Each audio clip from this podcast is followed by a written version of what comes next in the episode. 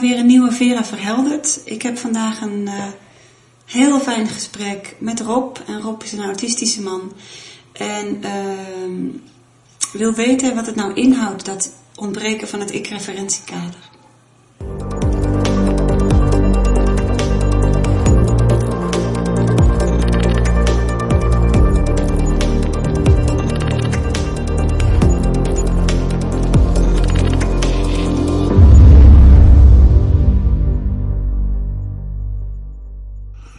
Jeetje, jij had iets voorbij zien komen, hè? Bij mij, wat jou triggerde. Nou, nogal ja. Ik las over ik-referentie. Ja.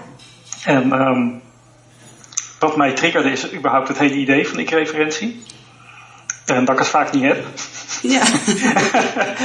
en um, je legde ook niet uit wat het was toen nog in die aankondiging. Je kon dat alleen aan. Ik ben met iets bezig van ik-referentie. En dat maakte, wel, maakte mij wel nieuwsgierig naar wat het dan was. Dus ik ben erover na gaan denken. En um, ja, ik ben al heel wat jaren aan het therapieën en, en ontdekken en um, opruimen. Um, mm -hmm. Toch in de hoop van ooit eens een keer ik-referentie te vinden. Mm. Ja. En dat, dat heeft wel heel veel opgeleverd. Mm -hmm. Al wat zoeken en al wat graven. En, en, en um, maar ik-referentie vind ik nog steeds lastig. Als ja. ik ergens ben en wie, wie ben ik nou? Ja. En dus ik-referentie, dat is nog een soort kweeste. Maar ik vaar meestal op zijreferentie. Uh, Precies. Dus in de zin van dat ik bezig ben met van nou, wat denk ik dat de omgeving nou uh, van mij wil. Precies. En daar vaar ik dan wel op. En um, nou ja, als dat hele overzichtelijke en vertrouwde situaties zijn, uh, dan gaat dat best goed. Hè? Dan kan ik mijn mannetje wel staan. Ja. Maar zo gaat het natuurlijk wat, wat minder doelgericht wordt of wat complexer of nieuwer. Ja, ja. dan dan werkt die strategie niet. Want dan, dan weet ik niet wat de omgeving. Is er waarschijnlijk überhaupt niet iets, één ding wat de omgeving van mij wil? Nee. En uh, nou ja, dan krijg ik dat bewust mijn, be, vernauwt mijn bewustzijn zich. En dan raak ik opgesloten in mezelf. En dan, ja. uh, dan, dan, wat ik herken als mijn vorm van autisme, dan raak ik overweldigd. En ik ben überhaupt elke vorm van referentie uh, kwijt. En dan wordt de hele situatie een soort ja, surrealistisch. Net of ik er van een afstandje naar zit te kijken. En uh, Ja. ik zie mijzelf allemaal automatische verdedigingsmechanismen doen. En, en automatisch allerlei gedachten denken over, nou ja, kortom. Ja, dan Dat maakt het er niet leuker op. dan neemt het je over. Dit is, eh, eh, dit is zo ontzettend herkenbaar voor heel veel mensen. En eh, ik denk zelfs niet alleen mensen met autisme. Ehm, maar ook best wel een hoop, andere mensen. Want ergens eh, ja, lijk, heb- zijn we in basis natuurlijk allemaal hetzelfde. Ja, ja. En wat ik erg interessant vind in het begin, ook, ik praat ondertussen ook naar de mensen die kijken, hè, die heb ik in mijn achterhoofd. Dus soms leg ik wat meer uit dan dat je misschien al weet. Oké. En eh, wat ik interessant vind in het begin van je, van je gesprek is dat je zegt, ik ben al zo lang aan de therapie om te zoeken naar dat stukje ik. Hm, ja, En dat is, dat is natuurlijk, dat is voor heel veel mensen die zoeken naar zichzelf. En dan krijg je in therapievormen inderdaad dat eigenlijk een stukje eh ik-besef wordt aangesterkt. Je krijgt eh, kaders over jezelf, ideeën over jezelf en je wordt je bewust van je kwaliteiten en dat soort dingen. En ik heb dat ook altijd heel onbevredigend gevonden. Mhm. Om, eh, omdat ook dat soort dingen continu lijken te veranderen. en in verschillende ja. situaties te lijken te veranderen en je er zomaar opeens niet bij kan. Want ik Ja. herken deze situatie natuurlijk ook. En ehm dus ik ben ook gaan zoeken van, goh, wat is dan wel solide in Mhm. onszelf? En ik kwam er op een gegeven moment achter, ja, ik kan zoeken naar die ik tot ik een ons weeg, maar hij is er gewoon niet. Hij is gewoon onvindbaar. ja. En eh, toen heb ik dat hele idee van ik ook maar gewoon overboord gegooid. En toen begon ik een stuk beter te functioneren. Ah, Ja, en, uh, maar dat ging allemaal vooraf aan uh, het moment dat ik zelf me bewust werd en dat ik een diagnose kreeg. Mhm. Want dat heb ik 40 jaar helemaal niet geweten. precies. Ja. En uh, toen ik, dus ik wist heel veel van het mens zijn en heel veel van de manieren om gelukkig te zijn en te functioneren voordat ik die diagnose kreeg. Mhm. Vind ik al belangrijk om te vertellen. Uh, um, omdat ik daarin naar kernprincipes ben gaan zoeken. Ja. En dat kennelijk ook de kernprincipes zijn waar, waarvoor heel veel no- eh, niet-autistische mensen, neurotypische mensen noemen ze ze, Mhm. ook de sleutels naar geluk vonden. Ja, precies. En ja. toen ben ik op een gegeven moment na die diagnose ben ik al die boeken gaan lezen van goh, eh, ja, wat is het eigenlijk? Wist ik veel. Mhm. En ehm, wat me daarin ontzettend opviel, was dat ze dus structureel eigenlijk twee dingen over het hoofd zagen. En daar heb ik dus een nieuw model uit ge- gedestilleerd. Mhm. Eén is inderdaad eh, energie, energetische Ja. logica. Hoe logisch dingen zijn op, op het moment dat je ze op een andere laag bekijkt. Die mensen met autisme heel erg goed voelen Zeker, maar ja. niet goed kunnen beredeneren, omdat de laag van beredeneren zo eh, diffuus is gemaakt, omdat de redenaties die de gros van de mensen najagen helemaal niet logisch zijn bij hoe het voelt. ja. Zo is het. Zo is het. En dat ziet iedereen over het hoofd, omdat het gros van de mensen dus is gaan leven vanuit de redenatie en het contact met die laag zijn ja, verloren.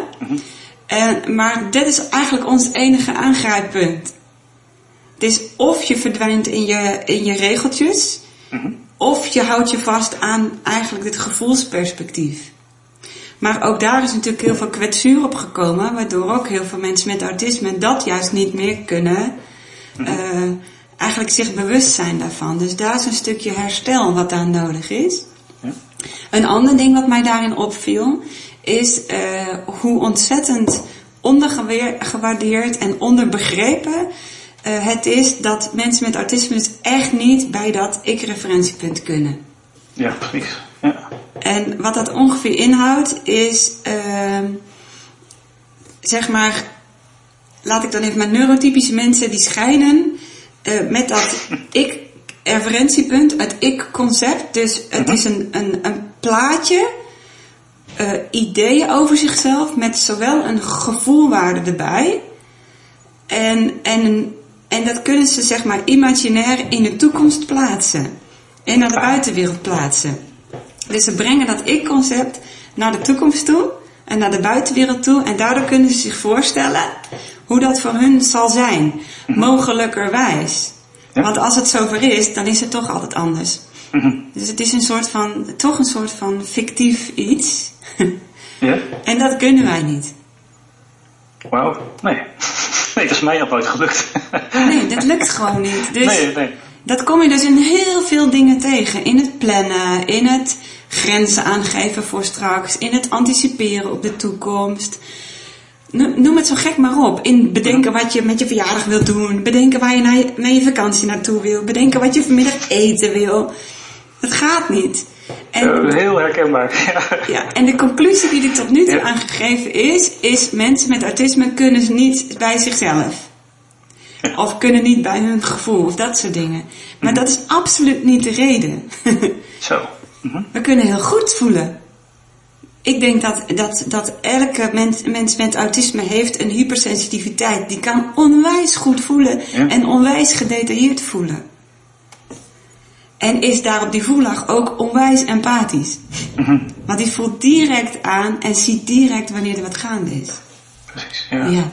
Zo. Dus het is een enorme misvatting. Mhm. Maar de reden waarom dus wij daar niet bij kunnen is omdat er in de communicatie re- gerefereerd wordt naar een je. Dus naar een ik. En die kunnen Ja. we niet vinden. Ja, precies. Ja. Over wie heb je het dan? Ja. Precies. Dus stel je voor, ik, ik, dan moet je goed kijken bij jezelf. hè. Stel je voor dat ik vraag aan jou, heb je al gegeten? Nu? Dat vraag je mij. Ja? Ja, ja, precies. Ja, ik heb net gegeten. Ja. Dat is een Ja. feit, hè? Ik vraag naar een feit. Die kan, daar kan je heel makkelijk bij. Je hebt al gegeten. Mhm. Ehm, eh, maar stel je voor, je hebt nog niet gegeten, of vanavond, hè? Waar zou je vanavond trek in hebben? Ja, ja, ik snap hem. ja, dat, ja, dat weet ik niet. Weet ik niet. Ja. Nee. nee. Dus dat, het weet ik niet antwoord is een, vraag, is een antwoord dat je ontzettend veel, veel krijgt als je met mensen met autisme praat. Ja, waar wil je naartoe op vakantie dit jaar? Ja, waar wil je naartoe op vakantie? Help! Ja, help. Maar ja, het probleem is natuurlijk dat als die vraag hangt dan ook in de lucht. Dus je moet dan, ik word helemaal moe alleen al van die vraag, want je moet met die vraag bezig, maar je kan hem onmogelijk beantwoorden. Ja. Dus eh, als ik je zou vragen van welke plek op de wereld zou heel erg passen bij hoe het voelt op dit moment? Ah, ja, een strand op Curaçao. eh, met een mooie blauwe zee, zand en palmboompjes. Ja, ja. En hoe voel je als je aan het idee denkt? Eh, blij.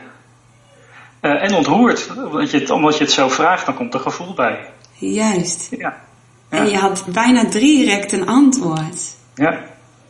Ja. Terwijl als ik je vraag, waar wil je straks naartoe op vakantie in de zomer? Ja, dan weet ik het niet. Nee. Dan weet je het niet. Ja, dus, dus eh, wat ik eigenlijk doe is, ja, ik, ik benader je op een andere manier, zodat ik het, eh, het struikelblok dat jij moet zoeken naar een ik, ga ik er voorbij. Omdat die er niet is.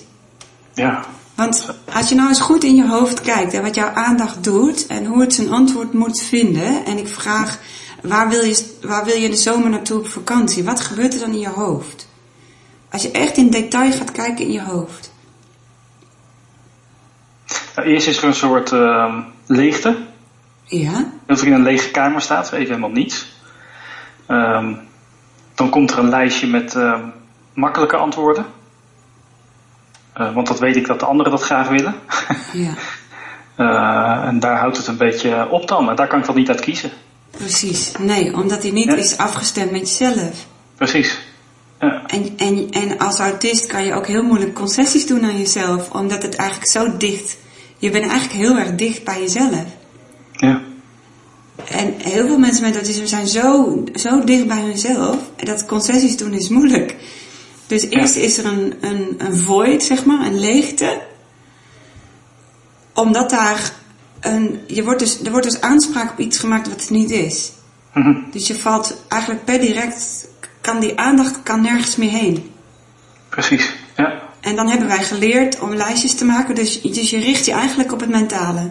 Mhm. De lijstjes Klopt. en de regeltjes. Maar ja, het is nooit bevredigend. En eh, die lijstjes zijn ook nooit consistent. Want alles op die laag is zo aan verandering onderhevig. Ja. Dus daar kan je je niet aan vasthouden. Mhm. Dus ik vind het heel zorgelijk dat, dat eh, in de omgang met autisme juist daardoor, daarop de focus wordt gelegd. Terwijl we in het gevoelstuk juist zo ontzettend goed zijn. Precies. Ja. En wat ik in mijn vraagstelling heb gedaan is, goh, wat is energetisch logisch? En gevoel is altijd energetisch logisch. Dus welke, welk land, welke plek klopt bij zoals het op dit moment voelt? Mhm. En dan komt Ja. de Curaçao en de Blauwe Zee naar boven. Ja, precies. En met gevoel. Met gevoel. Met gevoel. En ja. dan kan je weer volledig mens zijn en word je er blij van. Ja. En blijf je dus antwoorden geven die afgestemd zijn naar jezelf. Ik, het ontroert me echt heel erg. Het is echt... eh, Ja, klinkt zo eenvoudig. Ja, alles is veel eenvoudiger dan we denken. Ja. ja. En hoe zou je dat dan bijvoorbeeld met... eh, wat wil je vanavond eten doen? Eh, kijk, wij, kunnen, wij hebben dus geen ik-concept, een fictief ik, wat je naar de toekomst kan brengen. Maar we kunnen wel de toekomst naar het nu brengen. Oké, snap ik. Ja. Dus we halen ook het, het woordje toekomst er- eruit. Dus vanavond doen we niet. We doen, eh, eh, ja, wat voor diner zou ik nu, als ik het nu mijn diner moest maken, wat zou ik dan nu trekken hebben? Ah, precies. Ja. waar zou mijn lichaam nu behoefte aan hebben? ja, ik word er helemaal vrolijk van. Want ik proef meteen Thais eten en lekker Thais. ik word helemaal eh, opgewekt van. Ja, want dan kan, je, dan kan je ook je Thaise ingrediënten halen en met plezier en met, met liefde dat eten klaarmaken. Ja, En dan geniet je er volop van. het is waanzinnig. Ja, Zo. ja, Dat is echt bijzonder. Ik vind het echt heel bijzonder. ja. Want al die, die therapie dingen ook, dan denk ik van, ze bijvoorbeeld grenzen aangeven, weet je wel. Dat begint allemaal, dat ze aan je vragen, wat is dan je behoefte? En wat, wat is dan je, ja, weet ik veel. Dat weet dat je weet ik niet. niet. Dat En weet dan kan je al die stapjes, al het gedrag gaan oefenen met ho en stop en, en grens, maar dat, dat doet dan helemaal niks, omdat je niks hebt om op te staan. Nee, precies. Het is, eh, Terwijl als we kijken naar grenzen, hè, wat is een grens? Je hebt twee soorten grenzen. mhm. Weet jij het? Nou, ik vermoed de echte en de imaginaire. ja, dus je hebt een mentale grens en een realistische grens. En als ik het over realiteit heb, dan heb ik het over energetische realiteit. Mm Want dat is zeker voor, voor, voor gevoelige mensen is dat net zo reëel. Maar als je mentaal een grens moet stellen, ga je hem fictief stellen. En dan heeft hij geen grond. Dus je kan eigenlijk een grens alleen maar voelen. Iedereen heeft een natuurlijke grens.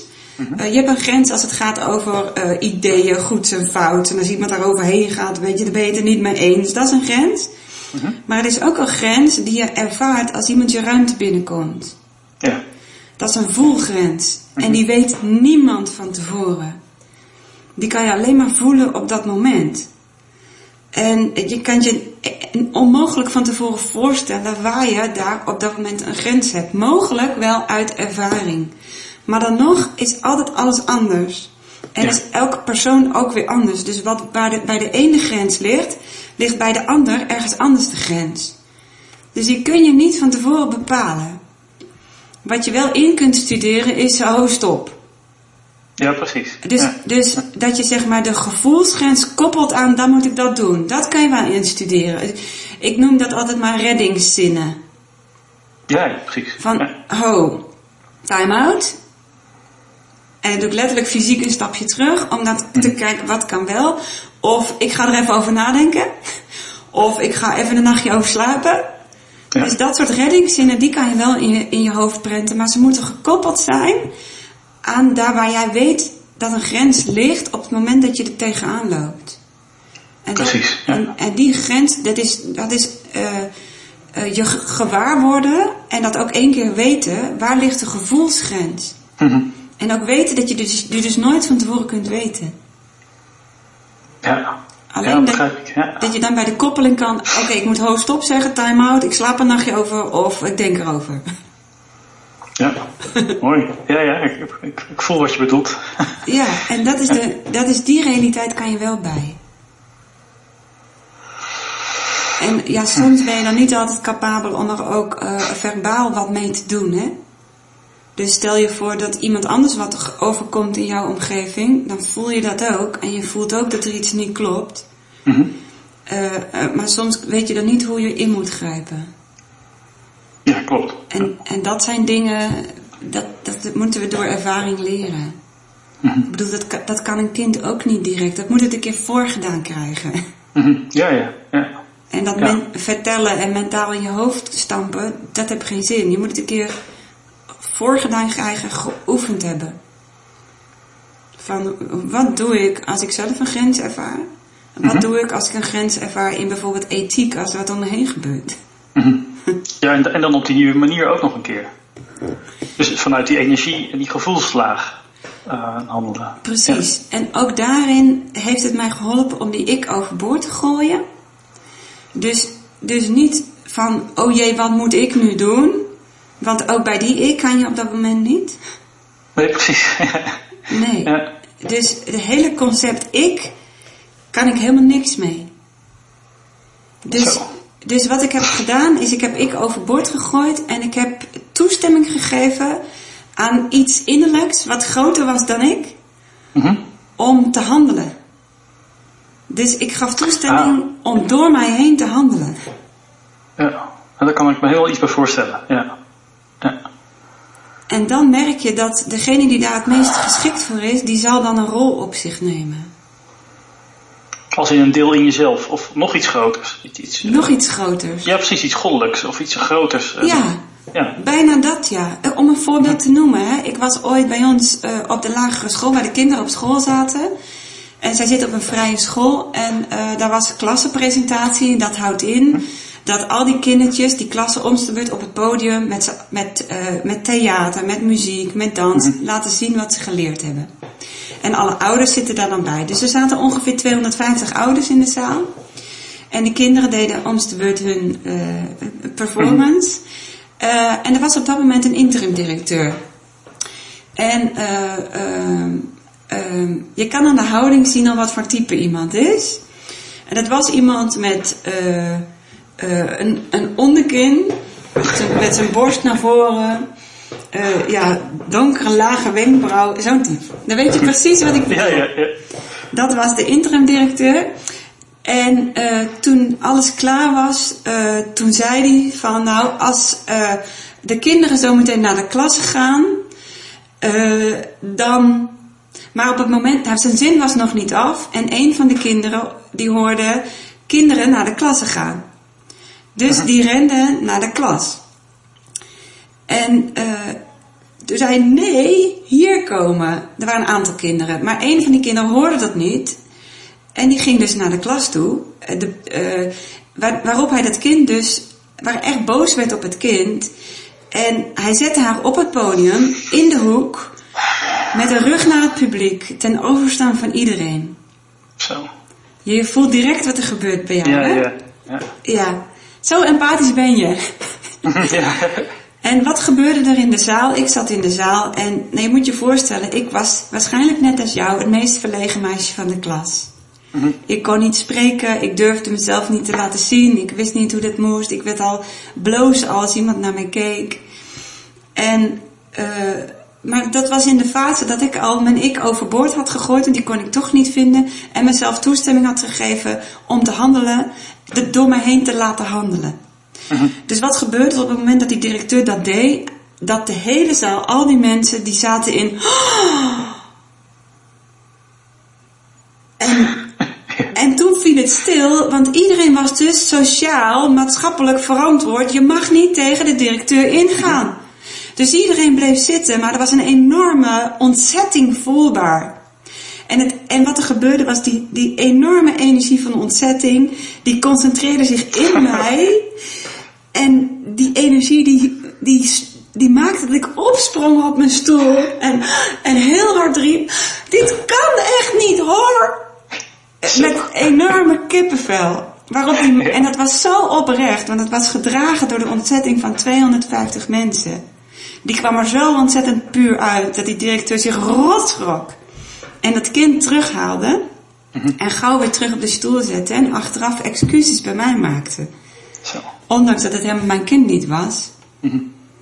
En dan handel je puur. Zo. En dan is er ook kracht genoeg en er is richting genoeg. En ja. Ja. Ja, Zo. want ik was de meest vrije op dat moment om te vertolken wat er nodig was. Maar het gaat nooit meer echt over jou. Het gaat erover Ja. de rol die je te vervullen hebt, omdat je nou eenmaal daarvoor in de wieg bent gelegd. Ja, precies. Ja. En als Daar krijg ik, ja, daar krijg ik wel weer kippenvel van. Ja, dat, dat voel ik. Ja. Ja, en wat ik zo ontzettend fantastisch vind aan mensen met autisme, is dat ze dus zo'n enorm daar gebleven zijn. En zo'n enorme focus kunnen opbrengen op één specifiek interesse, dat daar de pioniers uit ontstaan. Dat zijn de mensen die de diepte in kunnen, die nieuwe structuren kunnen bedenken, die nieuwe.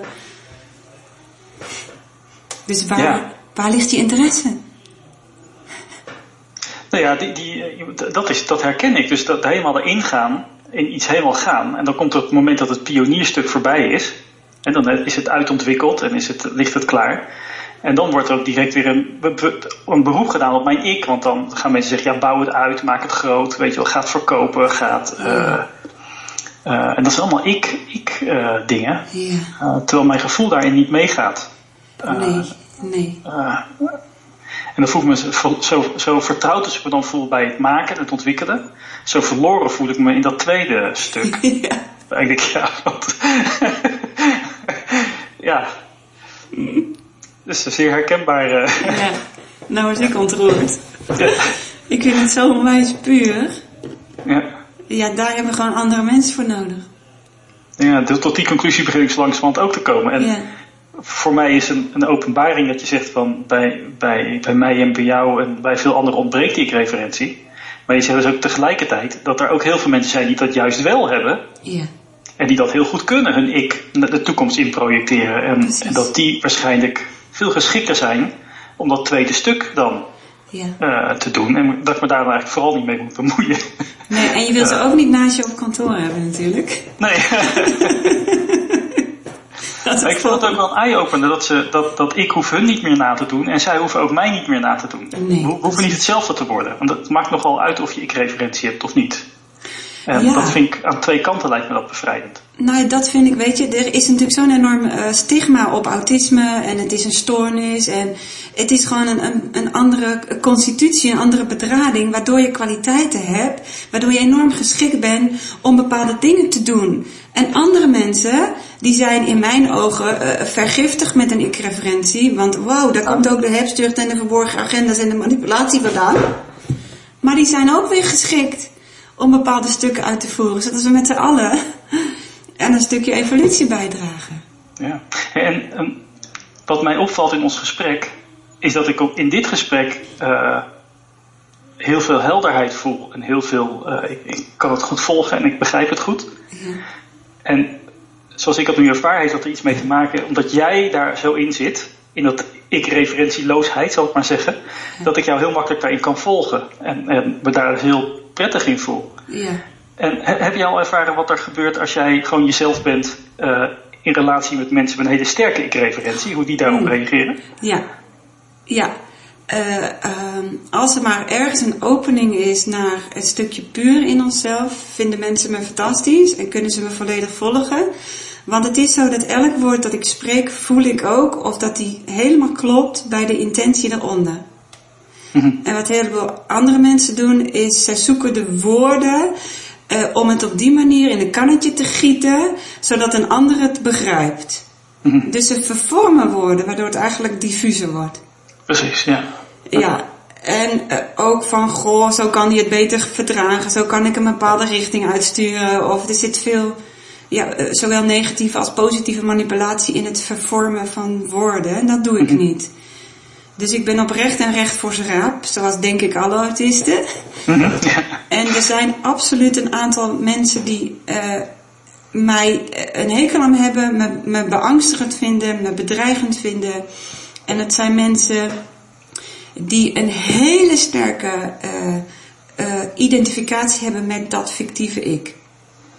De slachtoffers vinden me verschrikkelijk, want ik ontneem ze een slachtofferrol.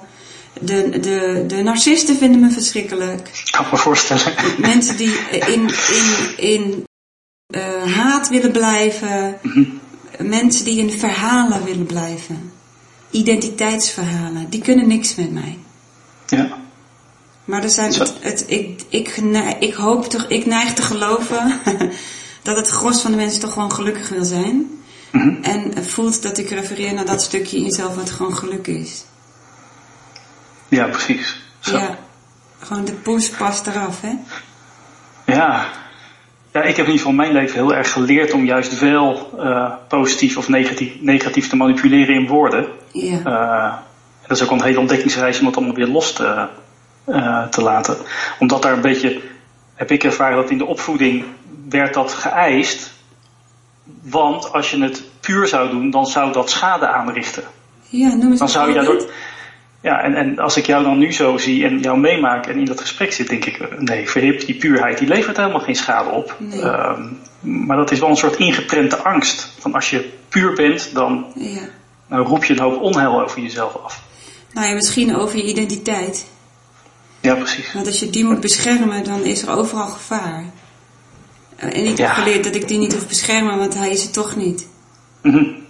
Ik heb wel geleerd dat sommige informatie niet voor iedereen, iedereen nodig is. En niet voor iedereen bestemd is en ook geschikt is. Dat heb ik Ja. wel moeten leren, omdat ik zo enorm eerlijk ben. Ja, precies. Ja. En dat is nog steeds zoeken. Wat is nu wel ja, geschikt voor, om te vertellen, wat niet. Ik denk dat veel, veel mensen met autisme dat herkennen. Dat je te eerlijk bent, te veel vertelt. Ja, precies. Ja, ik kan me daar wel een voorstelling bij maken. Ja. Ja, en Ja. Dat, dat, dat kan soms sommige mensen. En weet je, zoals de waard is, vertrouwt hij zijn gasten. Het komt niet eens in me op om daarmee te manipuleren.